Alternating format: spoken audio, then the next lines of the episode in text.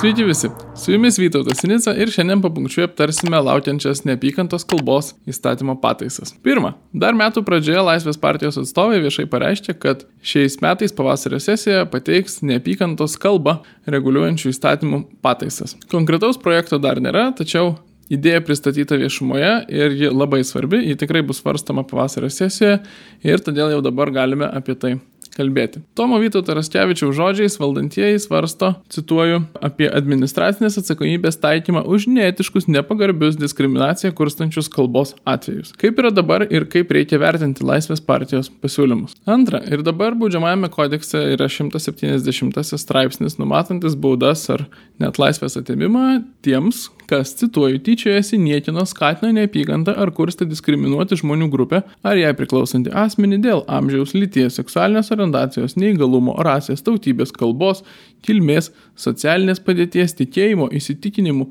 ar pažiūrų. Ši norma įvesta 2009 metais valdant konservatoriams. Šis straipsnis, toks koks parašytas, vis tiek yra įdingas, nes pretenduoja e, reglamentuoti žmonių tarpusavę bendravimą, tačiau bent iki šiol straipsnis yra taikomas iš tiesų siaurai. Realių bausmių už jį susilaukia tik iš tiesų smurtą kurstantis komentatoriai. Ir trečia, būtent todėl e, esamas įstatymas straipsnis netenkina žmonių kalbą, norinčius cenzuruoti Laisvės partijos atstovų. Jų deleguota ministrė Evelina Dobrovolska sako tiesiai, cituoju, e, Šiai dienai teismai baudžiamą atsakomybę taiko tik kraštutiniais atvejais, kai yra labai aiškus kurstimas fiziškai susidoroti, smurtauti. Kitais atvejais, kai yra ant ribos, kai tyčiajamas, įniekinama, skatinama neapykanta, bet neperžengiama fizinio susidorojimo ribos, dažniausiai teismai atsisako šį straipsnį taikyti. Taigi norima, kad žmonės būtų baudžiami net ir tais atvejais, kai nekursto smurto, kai Raskevičių žodžiais yra viso labo kalbama neetiškai ir nepagarbiai.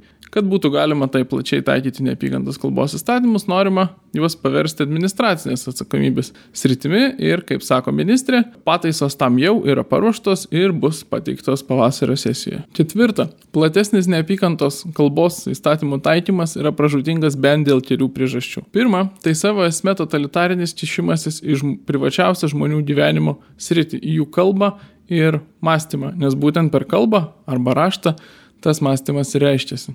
Nors dauguma pasisakymų, kurie patektų po neapykantos kalbos apibrėžimu, iš tiesų yra užgaulus, nekultūringi ir daugeliu mūsų keliantis pasibjaurėjimą, visiškai neteisinga būtų juos reglamentuoti įstatymais ir bausmėmis. Nes pati kalba, išskyrus šmeištą ir dar kelias itin siauras išimtis, iš principo negali būti įstatyminio reguliavimo objektas. Mandagumas ir pagarba yra kultūros ir etikos, o ne teisės sritis. Žmonės, kurie įžeidinėja ir niekina kitus žmonės, įvertina ir pasmerkia pati visuomenė, o ne teismas. Sunku sugalvoti didesnį laisvės suvaržymą, nei kai valstybė bausmėmis kišasi į žmonių tarpusavę bendravimą. Kaip teisingai rašo VDU dėstytojas dr. Andrius Švarplys, cituoju, neapykantos kalba siekia užkardyti ir užgniaušti laisvę jau pačioje kalboje.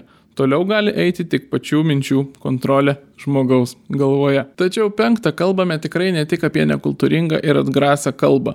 Vakarų šalise, kur tokie įstatymai seniai priimti, visur jų reguliavimo objektu tampa bet kokia, nebūtinai nekultūringa, tiesiog e, vertybiškai neteisinga pagal dominuojantį mąstymą kalba. Įstatymo aukomis etatiškai tampa dvasininkai, įgarsinantys savo religijų mokymą seksualinės moralės klausimais, nes faktiškai visų religijų mokymas netitinka šiandieninių politinio korektiškumo ir teisingo kalbėjimo normų. Iš tiesų, stebint praktiką, tokie įstatymai reikštų visų su progresyvia ideologija nesuderinamų požiūrių užčiaupimą.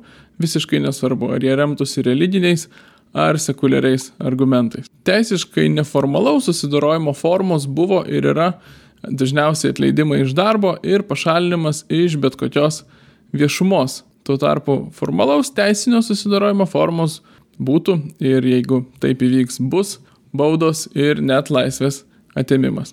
Nei su žodžio ar religijos laisvė, nei su apskritai konstitucinė demokratinė santvarka tai nėra suderinama. Šešta, pagal dabartinę formuluotę už tyčiajimas į neapykantos ir smurto kurstimą baudžiama ne tik tada, kai aukomis tampa mažumų atstovai, bet ir kitais pagrindais - pažiūrų, įsitikinimų ir panašiai. Tarytum, e, įstatymai saugo ne tik įvairias mažumas. Tačiau vėlgi tiek užsienio praktika, kaip taikoma šis įstatymas, tiek ir ideologinės jo šaknys bei kovotojai už jo taikymą ir išplėtimą aiškiai rodo, kad įstatymas parengtas specialiai mažumų apsaugai ir privilegijoms. Nėra jokio pagrindo tikėtis, kad atskirus asmenys, kurie nepriklauso politizuotoms mažumų grupėms, tokie įstatymai saugos nuo patyčių ir žaidinėjimų. Savo esmė tai yra pozityvios diskriminacijos, taigi privilegijų konkrečioms visuomenės grupėms suteikimo įstatymas. Septinta, neatsitiktinai antisovietiniai rezistentai Pavyzdžiui, katalikų kronikos leidėjai dabar brestančią Lietuvoje cenzūrą lygina su ta, kurią jiems teko patirti sovietmečiu. Nes neapykantos kalbos įstatymų šaknis glūdi bolševizme.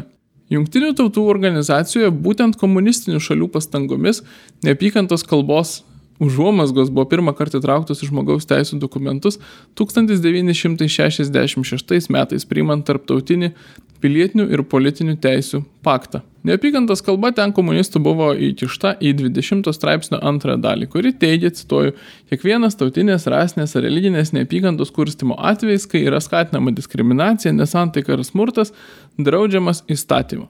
Dabar toks sakinys mums skamba tarytum ir normaliai ir įprastai, tačiau tuo metu kažkodėl laisvos prie demokratijos ir laisvų diskusijų pratusios šalis, pirmiausia JAV, bet dauguma Europos demokratijų labai aršiai kovojo prieš tokio straipsnio prieimimą ir jis buvo priimtas iš esmės trečiojo pasaulio ir komunistinio bloko šalių balsais. O nuo tada lietai plito tiek į įvairius kitus tarptautinės teisės dokumentus, tiek ir nacionalinius įstatymus, tiek ir savo turiniu apėmė vis platesnę kalbos sritį. Aštunta, nors neapykantos kalbos įstatymai dar neišplėsti, tačiau Lietuvos policija jau dabar su komjaunuolišku entuzijazmu ėmėsi bandomosios akcijos stebėti diskusijų turinį ir galimai netinkamą kalbą internetinėse diskusijose. Taip savo tikslą imdamas iš šio išskirtinio dėmesio neapykantos kalbos problemai įvardė pati policija.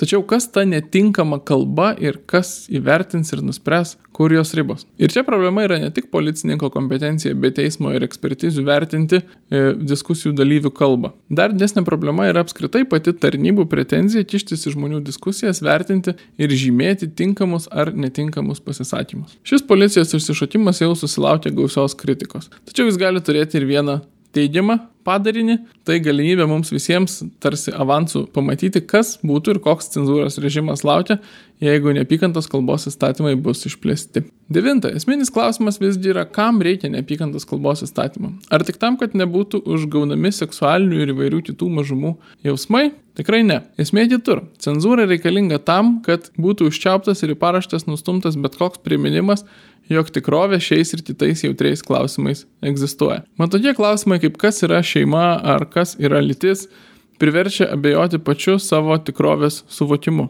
Čia negalimas kompromisas kaip klausimais, kokie yra teisingi mokesčiai ir koks turėtų būti leistinas statybų atstumas nuo ežero. Todėl įteisinus vienalytės šeimas ar translitiškumą būtina ir užtikrinti, kad nesigirdėtų viešumoje jokių priminimų, sakančių, jog iš tikrųjų yra kitaip. Tikrovė negali apie save priminti. Kalbant naujųjų marksistų kalba, realybės principą turi pakeisti malonumo principas. Kitaip tikrovė neigianti tvarka niekada nesijaus saugi. Dešimta. Apibendrinkime. Kalba, išskyrus šmeištą ir kitas itin siauras išimtis, niekada neturėtų būti reglamentuojama įstatymas, o jau tikrai įstatymais neturėtų būti reglamentuojamas etiškumas ir mandagumas. Lietuvoje priešingai planuojama kuo plačiau reglamentuoti žmonių kalbą, įskaitant ir nepagarbius ir neetiškus pasisakymus. Viešai nesakoma, tačiau tą jau taikančių vakarų šalių praktika labai aiškiai rodo, jog tokie įstatymai yra nukreipti išimtinai seksualinių ir kitų mažumų privilegijuotai apsaugai. Iš visų radikalių laisvės partijos idėjų būtent neapykantos kalbos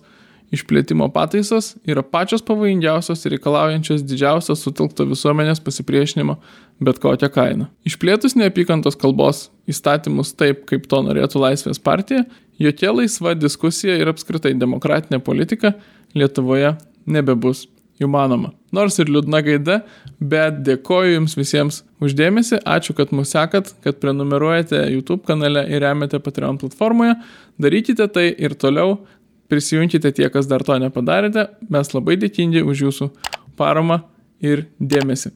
Iki kitų kartų, sudėjau.